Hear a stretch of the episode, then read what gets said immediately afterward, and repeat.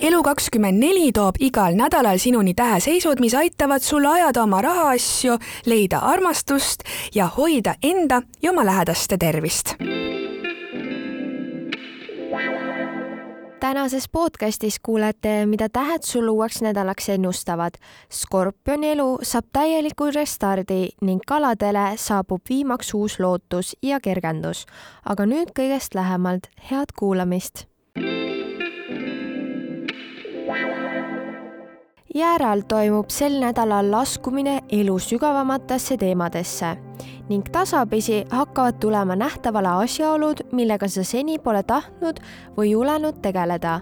ees on väga transformatiivne periood, mil sa pead mõnedest oma suurematest hirmudest ja tabudest läbi minema Sõnni tähelepanu läheb nüüd eelkõige suhetele ning sa muutud oluliselt diplomaatilisemaks sul on võimalus oma suhetele mingi uus alus panna ja seejärel võid sa puhtalt lehelt edasi minna.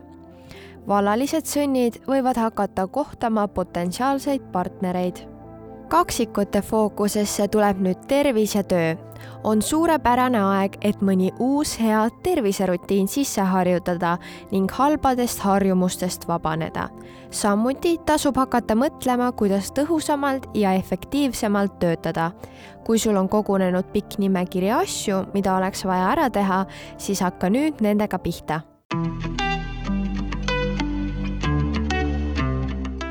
vähielu võtab sel nädalal hoopis uue pöörde aitab kodusest elust ja lähedaste pärast muretsemisest, sest nüüd saabub üks aasta romantilisem periood. Rõõm ja säde soovivad sinu ellu naasta. Lõvi fookus liigub sel nädalal hoopis kodu peale. sul on vaja eelkõige oma pesas end turvaliselt tunda nüüd on hea aeg teha plaane seoses koduga. kui soovid midagi muuta, renoveerida või üldsegi kodu osta, on aeg tegutsemiseks küps Neitsi elutempo hakkab sellest nädalast märgatavalt tõusma ning sul on ees väga palju suhtlemist. elu muutub isegi veidi rahutuks, kuna kommunikatsiooni on nii palju. kaalud pääsevad viimaks meeletu tähelepanu alt ning hakkavad nüüd hoopis kindlamalt julgeolust igatsema. mõne jaoks tähendab see ka otseselt rahaküsimustega tegelemist skorpionil on käes aeg oma koopast välja tulla ja end maailmale näidata. jah, kõik hakkab nüüd sinu ümber käima ning sa satud elu fookusesse. sul on võimalus iseennast täiesti uuesti luua, muuta oma välimust, hoiakuid ja persoonat hambur avastab enda üllatuseks, et tahab aktiivsemast elust rohkem eemale tõmbuda ja hoopis omaette olla unenäod muutuvad nüüd kirkamaks ja värvilisemaks ning sinu alateadvuses käivituvad mitmesugused protsessid, mis võivad anda märku suurema väsimuse näol. kaljukitse elus muutuvad nüüd olulisemaks kollektiivid ja inimgrupid, kellega sa teed koostööd ning jagad ühiseid unistusi ja visioone. pilk läheb tulevikku ning on õige aeg luua õigeid sidemeid ning viibida seltskondades, kes sinu unistustele kaasa aitavad. veevalaja elu läheb sellest nädalast päris tõsiseks, kuna ta peab tegema mingisuguse valiku seoses oma karjääri ja elusuunaga universum suunab fookuse su ambitsioonidele ning annab võimaluse mingi täiesti uuel suunal end sisse seada. jälgi hoolega, kuidas elu sind seoses töö ja karjääriga suunab.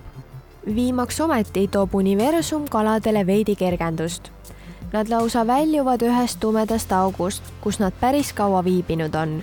midagi uut ja huvitavat saabub sinu horisondile, mis aitab sul nendest raskustest üle olla ja elu helgemalt näha. eriti soodne oleks minna nüüd pikemale reisile ja kogeda midagi eksootilist. sel nädalal taotlesid tähed eriti põnevat nädalat vähkidele, kuid sõnn peab pöörama enim tähelepanu oma suhetele ära jää ilma iganädalasest Elu24 horoskoobist. pane like ja follow meie sotsiaalmeediakanalitele ja telli digitellimus juba täna järgmine kord vaatame lähemale, mida toob novembri algus tähemärkidele.